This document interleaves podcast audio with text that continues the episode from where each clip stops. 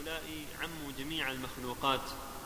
ومن فروع هذا التوحيد أن فرعون وقومه كامل الإيمان عارفون بالله على الحقيقة.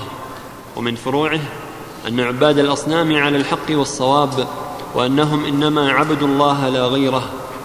ومن فروعه أنه لا فرق في التحريم والتحليل بين الأم والأخت والأجنبية ولا فرق بين الماء والخمر والزنا والنكاح الكل من عين واحدة.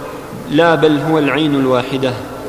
ومن فروعه أن الأنبياء ضيقوا على الناس تعالى الله عما يقولون علوا كبيرا. وأما الثاني وهو توحيد الربوبية كالإقرار بأنه خالق كل شيء وأنه ليس للعالم صانعان متكافئان في الصفات والأفعال. وهذا التوحيد حق لا ريب فيه وهو الغاية عند كثير من أهل النظر والكلام وطائفة من الصوفية. وهذا التوحيد لم يذهب إلى نقيضه طائفة معروفة من بني آدم بل القلوب مفطورة على الإقرار به أعظم من كونها مفطورة على الإقرار بغيره من الموجودات كما قالت الرسل عليهم السلام فيما حكى الله عنهم قالت رسلهم أفي الله شك فاطر السماوات والأرض؟ وأشهر من عرف تجاهله وتظاهره بإنكار الصانع فرعون وقد كان مستيقنا به في الباطن كما قال له موسى عليه السلام لقد علمت ما أنزل هؤلاء إلا رب السماوات والأرض بصائر. وقال تعالى عنه وعن قومه وجحدوا بها واستيقنتها أنفسهم ظلما وعلوا. ولهذا قال وما رب العالمين على وجه الإنكار له تجاهل العارف. قال له موسى رب السماوات والأرض وما بينهما إن كنتم موقنين. قال لمن حوله ألا تستمعون؟ قال ربكم ورب آبائكم الأولين. قال إن رسولكم الذي أرسل إليكم لمجنون. قال رب المشرق والمغرب وما بينهما إن كنتم تعقلون. وقد زعم طائفة أن فرعون سأل موسى مستفهم مستفهما عن الماهية وأن المسؤول عنه لما لم تكن له ماهية عجز موسى عن الجواب وهذا غلط وإنما هذا استفهام إنكار وجحد. كما دل سائر آيات القرآن على أن فرعون كان جاحدا لله نافيا له لم يكن مثبتا له طالبا للعلم بماهيته. فلهذا بين لهم موسى أنه معروف وأن آياته ودلائل ربوبيته أظهر وأشهر من أن يسأل عنه بما هو. بل هو سبحانه أعرف وأظهر وأبين من أن يجهل. بل معرفته مستقرة في الفطر أعظم من معرفة كل معروف. ولم يعرف عن أحد من الطوائف أنه قال إن العالم له صانعان متماثلان في الصفات والأفعال فإن الثنوية من المجوس والمانوية القائلين بالأصلين النور والظلمة وأن العالم صدر عنهما متفقون على أن النور خير من الظلمة وهو الإله المحمود وأن الظلمة شريرة مذمومة وهم متنازعون في الظلمة هل هي قديمة أو محدثة؟ فلم يثبتوا ربين متماثلين. وأما النصارى القائلون بالتثليث فإنهم لم يثبتوا للعالم ثلاثة أرباب ينفصل بعضهم عن بعض بل هم متفقون على أن صانع العالم واحد ويقولون باسم الأب والابن وروح القدس إله واحد. وقولهم في التثليث متناقض في نفسه وقولهم في الحلول أفسد منه. ولهذا كانوا مضطربين في فهمه وفي التعبير عنه لا يكاد واحد منهم يعبر عنه بمعنى معقول ولا يكاد اثنان يتفقان على معنى واحد فإنهم يقولون هو واحد بالذات ثلاثة بالأقنوم والأقانيم يفسرونها تارة بالخواص وتارة بالصفات وتارة بالأشخاص. وقد فطر الله العباد على فساد هذه الأقوال بعد التصور التام. وفي الجملة فهم لا يقولون بإثبات خالقين متماثلين. والمقصود هنا أنه ليس في الطوائف من يثبت للعالم صانعين. والمقصود نعم. والمقصود هنا أنه ليس في الطوائف من يثبت للعالم صانعين متماثلين مع أن كثيرا من أهل الكلام والنظر والفلسفة تعبوا في إثبات هذا المطلوب وتقريره ومنهم من اعترف بالعجز عن تقرير هذا بالعقل وزعم أنه يتلقى من السمع. والمشهور عند أهل النظر إثباته بدليل التمانع وهو أنه لو كان للعالم صانعان فعند اختلافهما مثل أن يريد أحدهما تحريك جسم والآخر تسكينه أو يريد أحدهما إحياءه والآخر إماتته فإما أن يحصل مرادهما أو مراد أحدهما أو لا يحصل مراد واحد منهما. والأول ممتنع لأنه يستلزم الجمع بين الضدين والثالث ممتنع لأنه يلزم خلو الجسم عن الحركة والسكون وهو ممتنع ويستلزم أيضا عجز كل منهما والعاجز لا يكون إلها. وإذا حصل مراد أحدهما دون الآخر كان هذا هو الإله القادر والآخر عاجزا لا يصلح للإلهية. وتمام الكلام على هذا الأصل معروف في موضعه. وكثير من أهل النظر يزعمون أن دليل التمانع هو معنى قوله تعالى لو كان فيهما آلهة إلا الله لفسدتا لاعتقادهم أن توحيد الربوبية الذي قرروه هو توحيد الإلهية الذي بينه القرآن ودعت إليه الرسل عليهم السلام. وليس الأمر كذلك بل التوحيد الذي دعت إليه الرسل ونزلت به الكتب هو توحيد الإلهية المتضمن توحيد الربوبية. وهو عبادة الله وحده لا شريك له. فإن المشركين من العرب كانوا يقرون بتوحيد الربوبية وأن خالق السماوات والأرض واحد كما أخبر تعالى عنهم بقوله ولئن سألتهم من خلق السماوات والأرض ليقولن الله قل لمن الأرض ومن فيها إن كنتم تعلمون سيقولون لله قل أفلا تذكرون؟ الآيات. ومثل هذا كثير في القرآن. ولم يكونوا يعتقدون في الأصنام أنها مشاركة لله في خلق العالم. وهذا أمر معروف. فإنهم يعرفون أنه سبحانه هو الخالق الرازق المدبر. وإنما أشركوا بالآلهة يزعمونها تقربهم إلى الله سبحانه وتشفع لهم. كاللات والعزى ومناة وهبل وأشبه ذلك.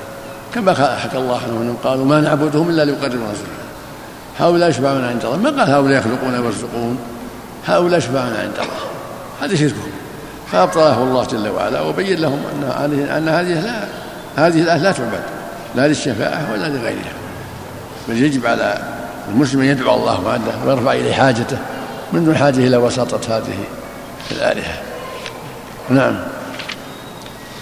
ولم يكونوا يعتقدون في الأصنام أنها مشاركة لله في خلق العالم بل كان حالهم بل كان حالهم فيها كحال أمثالهم من مشرك الأمم من الهند والترك والبربر وغيرهم تارة يعتقدون أن هذه تماثيل قوم صالحين من الأنبياء والصالحين ويتخذونهم شفعاء ويتوسلون بهم إلى الله وهذا كان أصل شرك العرب.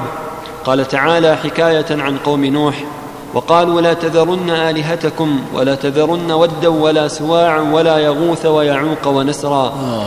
وقد ثبت في صحيح البخاري وكتب التفسير وقصص الأنبياء وغيرها عن ابن عباس رضي الله عنهما وغيره من السلف أن هذه أسماء قوم صالحين في قوم نوح فلما ماتوا عكفوا على قبورهم ثم صوروا تماثيلهم ثم طال عليهم الأمد فعبدوهم وأن هذه الأصنام بعينها صارت إلى قبائل العرب. ذكرها ابن عباس رضي الله عنهما قبيلة قبيلة. وقد ثبت في صحيح مسلم عن أبي الهياج الأسدي قال قال لي علي بن أبي طالب رضي الله عنه ألا أبعثك على ما بعثني رسول الله صلى الله عليه وسلم؟ أمرني الا أدع قبرا مشرفا إلا سويته سو إلا سويته ولا تمثالا إلا طمسته. وفي الصحيحين عن النبي صلى الله عليه وسلم أنه قال في مرض موته لعن الله اليهود والنصارى اتخذوا قبور أنبيائهم مساجد يحذر ما فعلوا. قالت عائشة رضي الله عنها ولولا ذلك لأبرز قبره ولكن كره أن يتخذ مسجدا. وفي الصحيحين أنه ذكر له في مرض موته كنيسة بأرض الحبشة وذكر له من حسنها وتصاوير فيها فقال إن أولئك إذا مات فيهم الرجل الصالح بنوا على قبره مسجدا وصوروا فيه تلك التصاوير. أولئك شرار الخلق عند الله يوم القيامة. هذه حال اليهود والنصارى. يبنون على القبور المساجد ويعظمونها ويعبدونها من دون الله. وتابعتهم العرب في هذا الشرك. بنوا على القبور واتخذوا عليها المساجد واشركوا بها وعبدوا الأصنام والأشجار والأحجار كل هذا تقليدا لغيرهم. نعم نسأل الله العافية. وفي صحيح مسلم عنه صلى الله عليه وسلم أنه قال قبل أن يموت بخمس إن من كان قبلكم كانوا يتخذون قبور أنبيائهم وصالحيهم مساجد. ألا فلا تتخذوا القبور مساجد فإني أنهاكم عن ذلك. ومن أسباب الشرك عبادة الكواكب واتخاذ الأصنام بحسب ما يظن أنه ومن مناسب. ومن, ومن أسباب الشرك نعم. ومن أسباب الشرك عبادة الكواكب واتخاذ الأصنام بحسب ما يظن أنه مناسب للكواكب من طباعها وشرك قوم إبراهيم عليه السلام. هذا لولا ان يقال ومن, ومن أنواع الشرك بل أسباب من انواعه هذا من انواعه تعلق على الأصنام على الكواكب والنجوم هذا من أنواع الشرك لأنه أنواع شيء يتعلق بالصالحين شيء يتعلق بالأنبياء والملائكة شيء يتعلق بالجن وشيء يتعلق بالكواكب. نعم. واعتقاد فيها انها لها تصرف هذا سبب. اعتقاده فيها أن لها تصرف هو سبب في الشرك بها. نعم. نعم. ومن أسباب الشرك عبادة الكواكب واتخاذ الأصنام بحسب ما يظن أنه مناسب للكواكب من طباعها. وشرك قوم إبراهيم عليه السلام كان فيما يقال من هذا الباب. وكذلك الشرك بالملائكة والجن واتخاذ الأصنام لهم. وهؤلاء كانوا مقرين بالصانع وأنه ليس للعالم صانعان ولكن اتخذوا هذه الوسائط شفعاء كما أخبر عنهم تعالى بقوله والذين اتخذوا من, دي من دونه أولياء ما نعبدهم إلا ليقربونا إلى الله زلفى. وقال تعالى ويعبدون من دون الله ما لا يضرهم ولا ينفعهم ويقولون هؤلاء شفعاؤنا عند الله. قل أتنبئون الله بما لا يعلم في السماوات ولا في الأرض؟ سبحانه وتعالى عما يشركون. وكذلك كان حال الأمم السالفة المشركين الذين كذبوا الرسل كما حكى الله تعالى في قصة صالح عليه السلام عن التسعة رهط الذين تقاسموا بالله أي تحالفوا بالله لنبيتنه وأهله. فهؤلاء المفسدون المشركون تحالفوا بالله على قتل نبيهم وأهله. وهذا يبين أنهم كانوا مؤمنين بالله إيمان المشركين. فعلم أن التوحيد المطلوب هو توحيد الإلهية الذي يتضمن توحيد الربوبية. قال تعالى فأقم وجهك للدين حنيفا فطرة الله التي فطر الناس عليها لا تبديل لخلق الله ذلك الدين القيم ولكن أكثر الناس لا يعلمون إلى قوله إذا هم يقنطون. وقال تعالى أفي الله شك فاطر السماوات والأرض؟ وقال صلى الله عليه وسلم كل مولود يولد على الفطرة فأبواه يهودانه أو ينصرانه أو يمجسانه. ولا يقال إن معناه يولد ساذجا لا يعرف توحيدا ولا شركا كما قاله, كما قاله بعضهم لما تلونا ولقوله صلى الله عليه وسلم فيما يروي عن ربه عز وجل خلقت عبادي حنفاء فاجتالتهم الشياطين الحديث. وفي الحديث المتقدم ما يدل على ذلك حيث قال يهودانه أو ينصرانه أو يمجسانه ولم يقل ويسلمانه وفي رواية يولد على الملة وفي أخرى على هذه الملة.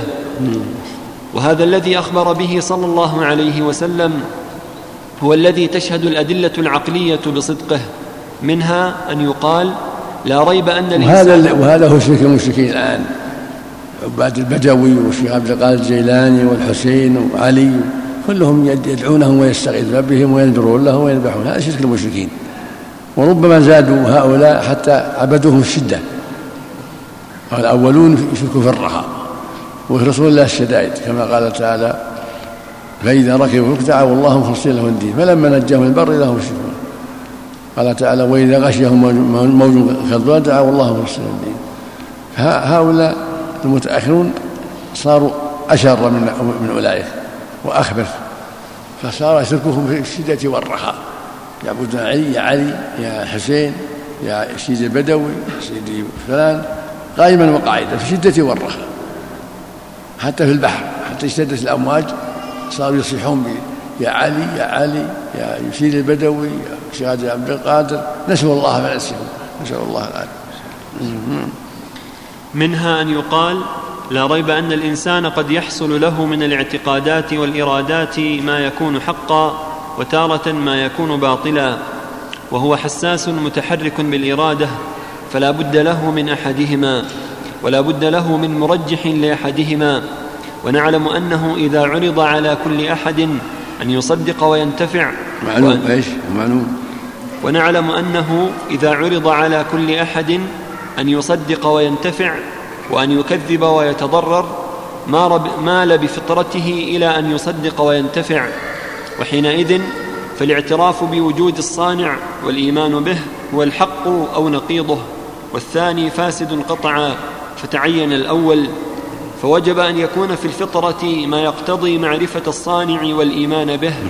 وبعد ذلك إما أن تكون محبته أنفع للعبد أو لا والثاني فاسد قطعا فوجب أن يكون في فطرته محبة ما ينفعه ومنها أنه مفطور على جلب المنافع ودفع المضار بحسبه وحينئذ وإن لم تكن له وإن لم تكن فطرة كل واحد مستقلة بتحصيل ذلك بل يحتاج إلى سبب معين للفطرة كالتعليم ونحوه فإذا وجد الشرط وانتفى المانع استجابت لما فيها من المقتضى لذلك. فإذا فإذا. فإذا وجد الشرط وانتفى المانع استجابت لما فيها من المقتضى من المقتضي لذلك. نعم.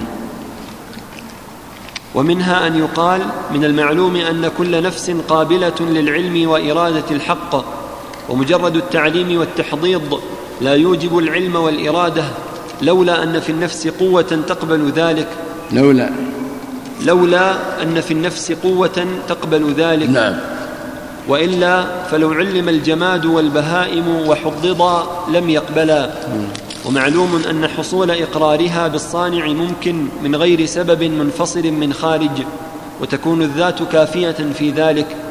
فإذا كان المقتضي قائما في النفس وقدر عدم المعارض فالمقتضي السالم عن المعارض يوجب مقتضاه. فعلم أن الفطرة السليمة إذا لم يحصل لها من يفسدها كانت مقرة بالصانع عابدة له. الله أكبر الله أكبر. ومنها أن يقال إنه إذا لم يحصل المفسد الخارج ولا المصلح الخارج كانت الفطرة مقتضية للصلاح لأن المقتضي فيها للعلم لأن الله جل وعلا خلقهم على الفطرة. وودع في عقولهم من إيمان الله وأنه ربهم وخالقهم كما في الحديث الصحيح. ما من مولود إلا فطره في الروايات الأخرى إلا على هذه الملة ملة الإسلام. الحديث الآخر يقول الرسول صلى الله عليه وسلم يقول الله جل إني خلقت عبادي حنفاء. فاجتالتهم الشياطين عن دينهم وأمرتهم ان يشركوا بالله ما لم ينزل به سلطانا وأحلت لهم ما حرم الله عليهم. فالمولود على الفطره على أن الله ربه وخالقه وإلهه. يشير إلى العلو أن الله ربه وخالقه. ولكن دعاة الباطل ودعاة الشرك يهودان يهودون الصغير شيئا فشيئا حتى يصل إلى ما هم عليه من شركهم وضلالهم. نعم. شيخ. نعم. الأذان.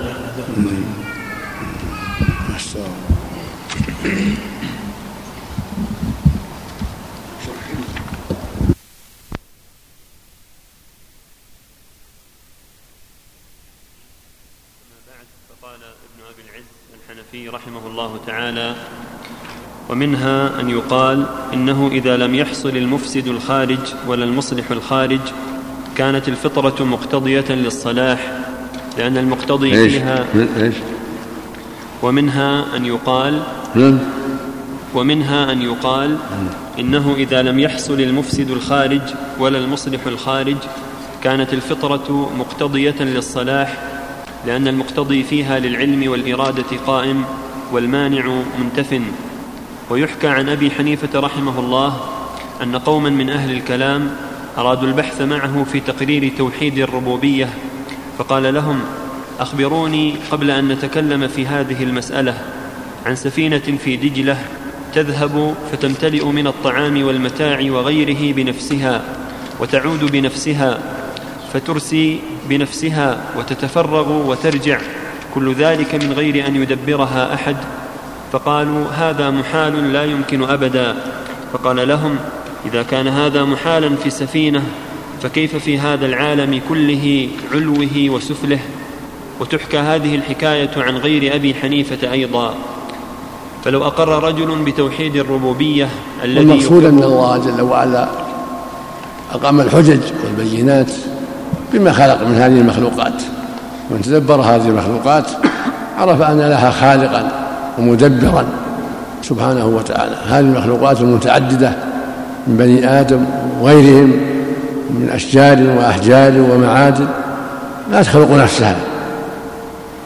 فلا بد لها من خالق مدبر. وهو الله عز وجل. هل من خالق غير الله؟ الله خالق كل شيء سبحانه وتعالى. ولهذا لما ذكر أبو حنيفة أو أبو يوسف هذه السفينة التي تحمل الطعام وتذهب للبلدان وتفرغ الطعام وترجع وليس لها من يدبرها ليس لها سائق ولا فيها أحد.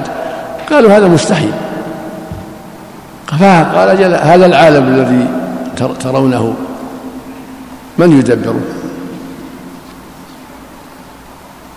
بغير مدبر مستحيل.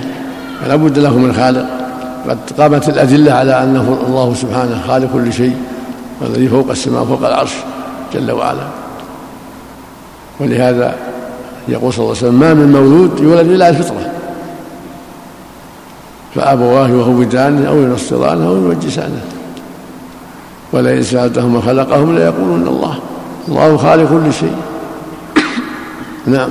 اللهم المستعان فلو أقر رجل بتوحيد الربوبية الذي يقر به هؤلاء النظار ويفنى فيه كثير من أهل التصوف ويجعلونه غاية السالكين كما ذكره صاحب منازل السائرين وغيره وهو مع ذلك إن لم يعبد الله وحده ويتبرأ من عبادة ما سواه كان مشركا من جنس أمثاله من المشركين. والقرآن مملوء من تقرير هذا التوحيد وبيانه وضرب الأمثال له. ومن ذلك أنه يقرر توحيد الربوبية ويبين أنه لا خالق إلا الله وأن ذلك مستلزم أن لا يعبد إلا الله. فيجعل الأول دليلا على الثاني إذ كانوا يسلمون الأول وينازعون في الثاني. لأن الذي خلق هذا الكون هو المستحق ان يعبد ويعظم ويطاع. ولهذا أقر به المشركون واحتج الله عليهم بما أقروا به على ما انكروه من توحيد الله والعبادة. قل من يرزقه من السماء أمن يملك السماء والأبصار ومن يخرج الحي من الميت ويخرج الميت من الحي ومن يدبر الأمر فسيقول الله. فقل أفلا تتقون؟ تتقون الإشراك به. ما دمتم تعرفون أنه رازقكم ومدبر الأمور؟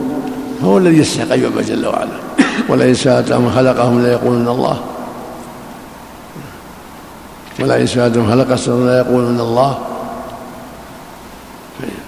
فإذا كان هو الخالق بإقرارهم لهم وللسماء والأرض فالواجب أن يعبد وحده بطاعة أوامره وترك نواهيه وتصديق رسله. ويبين أنه لا خالق إلا الله فيبين لهم سبحانه أنكم إذا كنتم تعلمون أنه لا خالق إلا الله وأنه هو الذي يأتي العباد بما ينفعهم ويدفع عنهم ما يضرهم لا شريك له في ذلك فلم تعبدون غيره؟ وتجعلون معه آلهة أخرى. كقوله تعالى قل الحمد لله وسلام على عباده الذين اصطفى آه الله خير أما يشركون؟ أمن خلق السماوات والأرض وأنزل لكم من السماء ماء فأنبتنا به حدائق ذات بهجة. ما كان لكم أن تنبتوا شجرها؟ أإله مع الله؟ بل هم قوم يعدلون. الآيات. يقول الله تعالى في آخر كل آية أإله مع الله؟ أي أإله مع الله فعل هذا؟ وهذا استفهام إنكار يتضمن نفي ذلك. وهم كانوا مقرين بأنه لم يفعل ذلك غير الله فاحتج عليهم بذلك. وليس المعنى استفهام هل مع الله إله كما ظنه بعضهم لأن هذا المعنى لا يناسب سياق الكلام. والقوم كانوا يجعلون مع الله آلهة أخرى كما قال تعالى أئنكم لتشهدون أن مع الله آلهة أخرى؟ قل لا أشهد. وكانوا يقولون أجعل الآلهة إلها واحدا؟ إن هذا لشيء عجاب. لكنهم ما كانوا يقولون إن معه إلها. جعل الأرض قرارا وجعل خلالها أنهارا وجعل لها رواسي وجعل بين, البحري بين البحرين حاجزا. بل هم مقرون بأن الله وحده فعل هذا. وهكذا سائر الآيات. وكذلك قوله تعالى يا أيها الناس اعبدوا ربكم الذي خلقكم والذين من قبلكم لعلكم تتقون. وكذلك قوله في سورة الأنعام قل أرأيتم من أخذ الله سمعكم وأبصاركم وختم على قلوبكم من إله غير الله يأتيكم به؟ وأمثال ذلك. وإذا كان توحيد الربوبية الذي يجعله هؤلاء النظار ومن وافقهم من الصوفية هو الغاية في التوحيد داخلا في التوحيد الذي جاءت به الرسل عليهم السلام ونزلت به الكتب فليعلم أن دلائله متعددة. كدلائل إثبات الصانع ودلائل صدق الرسول فإن العلم كلما كان الناس إليه أحوج كانت أدلته أظهر رحمة من الله بخلقه. والقرآن قد ضرب الله للناس فيه من كل مثل وهي المقاييس العقلية المفيدة للمطالب الدينية لكن القرآن يبين الحق في الحكم والدليل فماذا بعد الحق إلا الضلال؟ وما كان من المقدمات معلومة ضرورية متفقا عليها استدل بها ولم يحتج إلى الاستدلال عليها. والطريقة الفصيحة في البيان أن تحذف وهي طريقة القرآن بخلاف ما يدعيه الجهال الذين يظنون أن القرآن ليس فيه طريقة برهانية بخلاف ما قد يشتبه ويقع فيه نزاع فإنه يبينه ويدل عليه. ولما كان الشرك في الربوبية معلوم الامتناع عند الناس كلهم باعتبار إثبات خالقين متماثلين في الصفات والأفعال وإنما ذهب بعض المشركين إلى أن ثم خالقا خلق بعض العالم كما يقوله الثنوية في الظلمة وكما يقوله القدرية في أفعال الحيوان وكما يقوله الفلاسفة الدهرية في حركة الأفلاك أو حركات النفوس أو الأجسام الطبيعية فإن هؤلاء يثبتون أمورا محدثة بدون إحداث الله إياها فهم مشركون في بعض الربوبية وكثير من مشرك العرب وغيرهم قد يظن في آلهته شيئا من نفع أو ضر بدون أن يخلق الله ذلك. فلما كان هذا الشرك في الربوبية موجودا في الناس بين القرآن بطلانه كما في قوله تعالى ما اتخذ الله من ولد وما كان معه من إله إذا لذهب كل إله بما خلق ولعلى بعضهم على بعض فتأمل هذا البرهان الباهر. بهذا اللفظ الوجيز الظاهر فإن الإله الحق لا بد أن يكون خالقا فاعلا يوصل, يوصل إلى عابده النفع. ويدفع عنه الضر فلو كان معه سبحانه إله آخر يشركه في ملكه لكان له خلق وفعل وحينئذ فلا يرضى تلك الشركة بل إن قدر على قهر ذلك الشريك وتفرده بالملك والإلهية دونه فعل وإن لم يقدر على ذلك انفرد بخلقه وذهب بذلك الخلق كما ينفرد ملوك الدنيا بعضهم عن بعض بممالكه إذا لم يقدر المنفرد منهم على قهر الآخر والعلو عليه فلا بد من أحد ثلاثة أمور.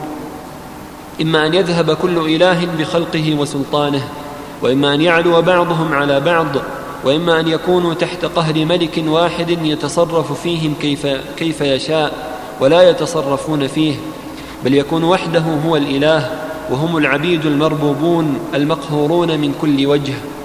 وانتظام أمر العالم كله وإحكام أمره من أدل دليل على أن مدبره إله واحد وملك واحد ورب واحد لا إله للخلق غيره ولا رب لهم سواه كما قد دل دليل التمانع على أن خالق العالم واحد لا رب غيره فلا إله سواه فذاك تمانع في الفعل والإيجاد وهذا تمانع في العبادة والإلهية فكما يستحيل أن يكون للعالم ربان خالقان متكافئان كذلك يستحيل أن يكون لهم إلهان معبودان.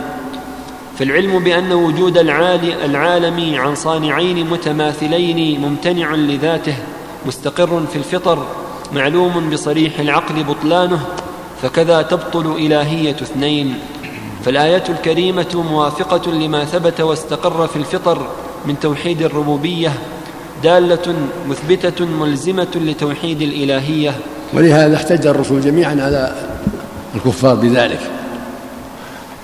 لأن الكفار أقروا بتوحيد الربوبية وأشركوا مع الله الملائكة والأنبياء والرسل والأصنام. فاحتج الله عليهم فيما فعلوا بما أقروا به من توحيد الربوبية. وأقام الحجة عليهم وحكم بكفرهم لتناقضهم. فإيمانهم بالخالق والرازق والمدبر يوجب إيمانهم بأنه مستحق لا يعبد. فلما ناقضوا وكابروا استحقوا استحقوا القتال والجهاد حتى يؤمنوا بالله وحده. اللهم المستعان شيخ بارك الله فيك. إطلاق مسمى الصانع الله جل وعلا. نعم. هو الصانع لا شك لكن ما جت في الأسماء الحسنى. ولا هو هو صانع الخلق. وصفا ولا؟ هو موجدهم. وصفا ولا تسمية لكنه موجود على أسئلة المتكلمين معنى الخالق يعني. نعم. لكن ليس من الاسماء الحسنى الواردة في النصوص. نعم. يطلق الوصف له مسمى ما يسمى ما يقال عبد الصانع ما لأنه مشترك. يطلق على الصناعات وعلى نعم. وقريب من معنى هذه الآية قوله تعالى لو كان فيهما آلهة إلا الله لفسدتا وقد ظن طوائف أن هذا دليل التمانع الذي تقدم ذكره وهو أنه لو كان للعالم صانعان إلى آخره وغفلوا عن مضمون الآية فإنه سبحانه أخبر أنه لو كان فيهما آلهة غيره ولم يقل أرباب. وأيضا فإن هذا إنما هو بعد وجودهما وأنه لو كان فيهما وهما موجودتان آلهة سواه لفسدتا. وأيضا فإنه قال لفسدتا وهذا فساد بعد الوجود ولم يقل لم يوجدا. ودلت الآية على أنه لا يجوز أن يكون فيهما آلهة متعددة. بل لا يكون الإله إلا واحدا وعلى أنه لا يجوز أن يكون هذا الإله الواحد إلا الله سبحانه وتعالى وأن فساد السماوات والأرض يلزم من كون الآلهة فيهما متعددة ومن كون الإله الواحد غير الله وأنه لا صلاح لهما إلا بأن يكون الإله إلا بأن يكون الإله فيهما هو الله وحده لا غير هو الله وحده لا غيره. فلو كان للعالم إلهان معبودان لفسد نظامه كله فإن قيامه إنما هو بالعدل وبه قامت السماوات والأرض وأظلم الظلم على الإطلاق الشرك وأعدل العدل التوحيد وتوحيد الإلهية متضمن لتوحيد الربوبية دون العكس. فمن لا يقدر على ان على أن يخلق وكونه اله الجميع يتضمن كماله. وكمال عدله وكمال حكمته وأنه سبحانه مستحق لأن يعبد. ولهذا دلت الأدلة النقلية والعقلية على أن صانع العالم واحد والمستحق العباده واحد سبحانه وتعالى وأن الإشراك به مخالف للعقول السليمة كما أنه مخالف للنصوص الواردة في الكتاب والسنة وأن المشركين قد تناقضوا فيما قروا به من توحيد الربوبية وما خالفوه وما أبوا, أبوا فيه من من إقرارهم ومن التزامهم بتوحيد العبادة ومن التزامهم بالشرك بالله وإنكارهم توحيد العبادة.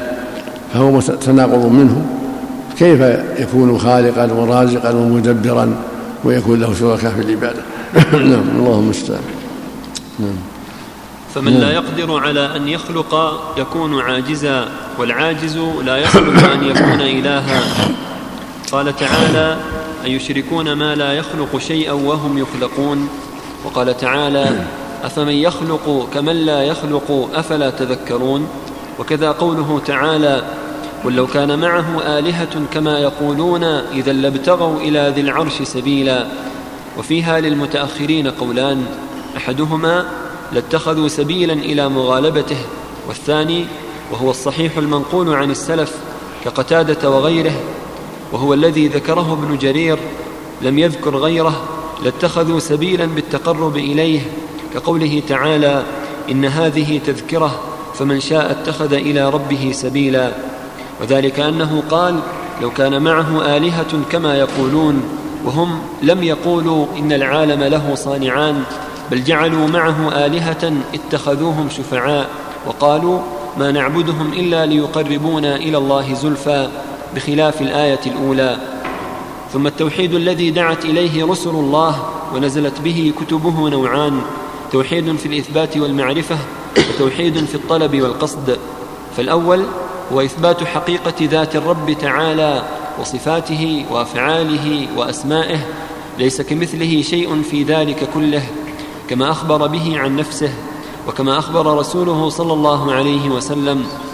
وقد أفصح القرآن عن هذا النوع كل الإفصاح كما في أول الحديد وطه وآخر الحشر وأول ألف لام ميم تنزيل السجدة وأول آل عمران وسورة الإخلاص بكمالها وغير ذلك.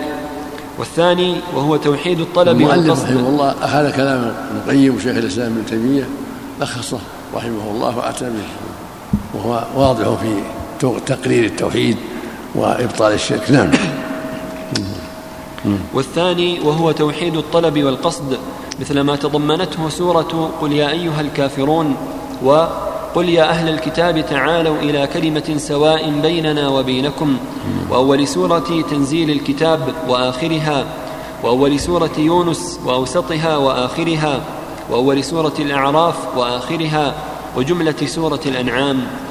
وغالب سور القرآن متضمنة لنوعي التوحيد بل كل سورة في القرآن فإن القرآن إما خبر عن الله وأسمائه وصفاته وأفعاله فهو التوحيد العلمي الخبري وإما دعوة إلى عبادته وحده لا شريك له وخلع ما يعبد من دونه فهو التوحيد الإرادي الطلبي. وإما أمر ونهي وإلزام بطاعته فذلك من حقوق التوحيد ومكملاته. وإما خبر عن إكرامه لأهل توحيده وما فعل بهم في الدنيا وما يكرمهم به في الآخرة فهو جزاء توحيده. وإما خبر عن أهل الشرك وما فعل بهم في الدنيا من النكال وما يحل بهم في العقبى من العذاب فهو جزاء من خرج عن حكم التوحيد. فالقرآن كله في التوحيد وحقوقه وجزائه وفي شأن الشرك وأهله وجزائهم. فالحمد لله رب العالمين توحيد الرحمن الرحيم توحيد مالك يوم الدين توحيد إياك نعبد وإياك نستعين توحيد رب العالمين توحيد الربوبية الرحمن الرحيم الصفات. مالك يوم الدين كذلك الربوبية الصفات. إياك نعبد وإياك نستعين توحيد العبادة. جمعها في هذه الآيات. فإن رب العالمين والرحمن الرحيم ومالك يوم الدين هو المستحق هو المستحق لا يعبد ويستعان به لملكه وقهره ورحمته وإحسانه وكونه رب العالمين. نعم. اهدنا الصراط المستقيم. توحيد متضمن لسؤال. هذا شرعه اهدنا الصراط طلب منه توحيد طلب ودعاء واستغاثة به وطلب للهداية منه لأنه سبحانه المالك القاهر الراحم. سبحانه. نعم. توحيد متضمن لسؤال الهداية إلى طريق أهل التوحيد الذين أنعم عليهم غير المغضوب عليهم ولا الضالين الذين فارقوا التوحيد. وكذلك شهد الله لنفسه بهذا التوحيد وشهدت له به ملائكته وانبياؤه ورسله. قال تعالى شهد الله أنه لا إله إلا هو والملائكة وأولو العلم قائما بالقسط لا إله إلا هو العزيز الحكيم. إن الدين عند الله الإسلام. فتضمنت هذه الآية الكريمة إثبات حقيقة التوحيد والرد على جميع طوائف الضلال. فتضمنت أجل شهادة وأعظمها وأعدلها وأصدقها من أجل شاهد بأجل مشهود به. وعبارات السلف الشاهد الله.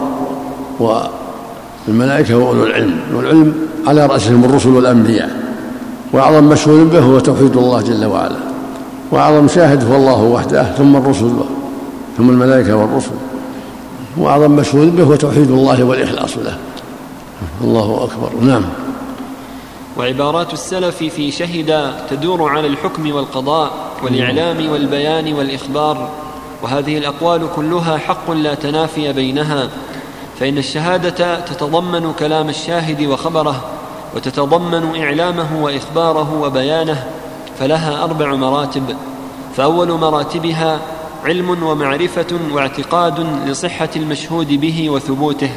وثانيها تكلمه بذلك وإن لم يعلم به غيره بل يتكلم بها مع نفسه ويذكرها وينطق بها أو يكتبها. وثالثها أن يعلم غيره بها بما يشهد به ويخبره به ويبينه له. ورابعها أن يلزمه بمضمونها ويأمره به. فشهادة الله سبحانه لنفسه بالوحدانية والقيام بالقسط تضمنت هذه المراتب الأربع علمه سبحانه بذلك وتكلمه به وإعلامه وإخباره لخلقه به وأمرهم وإلزامهم به. فأما مرتبة العلم فإن الشهادة تضمنتها ضرورة وإلا كان الشاهد شاهدا بما لا علم له به. قال تعالى إلا من شهد بالحق وهم يعلمون. وقال صلى الله عليه وسلم على مثلها فاشهد وأشار إلى الشمس. وأما مرتبة التكلم والخبر فقال تعالى وجعلوا الملائكة الذين هم عباد الرحمن إناثا أشهدوا خلقهم؟ ستكتب شهادتهم ويسألون. فجعل ذلك منهم شهادة وإن لم يتلفظوا بلفظ الشهادة ولم يؤدوها عند غيرهم. وأما مرتبة الإعلام والإخبار فنوعان إعلام بالقول وإعلام بالفعل وهذا شأن كل معلم لغيره بأمر تارة يعلمه به بقوله وتارة بفعله. ولهذا كان من جعل داره مسجدا وفتح بابها وأفرزها بطريقها وأذن للناس بالدخول والصلاة فيها معلما أنها وقف وإن لم يتلفظ به. وكذلك من وجد متقربا إلى غيره بأنواع المسار يكون معلما له ولغيره أنه يحبه وإن لم يتلفظ بقوله وكذلك بالعكس. وكذلك شهادة الرب عز وجل وبيانه وإعلامه يكون بقوله تارة وبفعله أخرى. فالقول ما أرسل به رسله وأنزل به كتبه. وأما بيانه وإعلامه بفعله فكما قال ابن كيسان شهد الله بتدبيره العجيب وأموره المحكمة عند خلقه أنه لا إله إلا هو وقال آخر وفي كل شيء له آية تدل على أنه واحد. ومما يدل على أن الشهادة تكون بالفعل قوله تعالى ما كان للمشركين أن ومما يدل ومما يدل على, على هذا.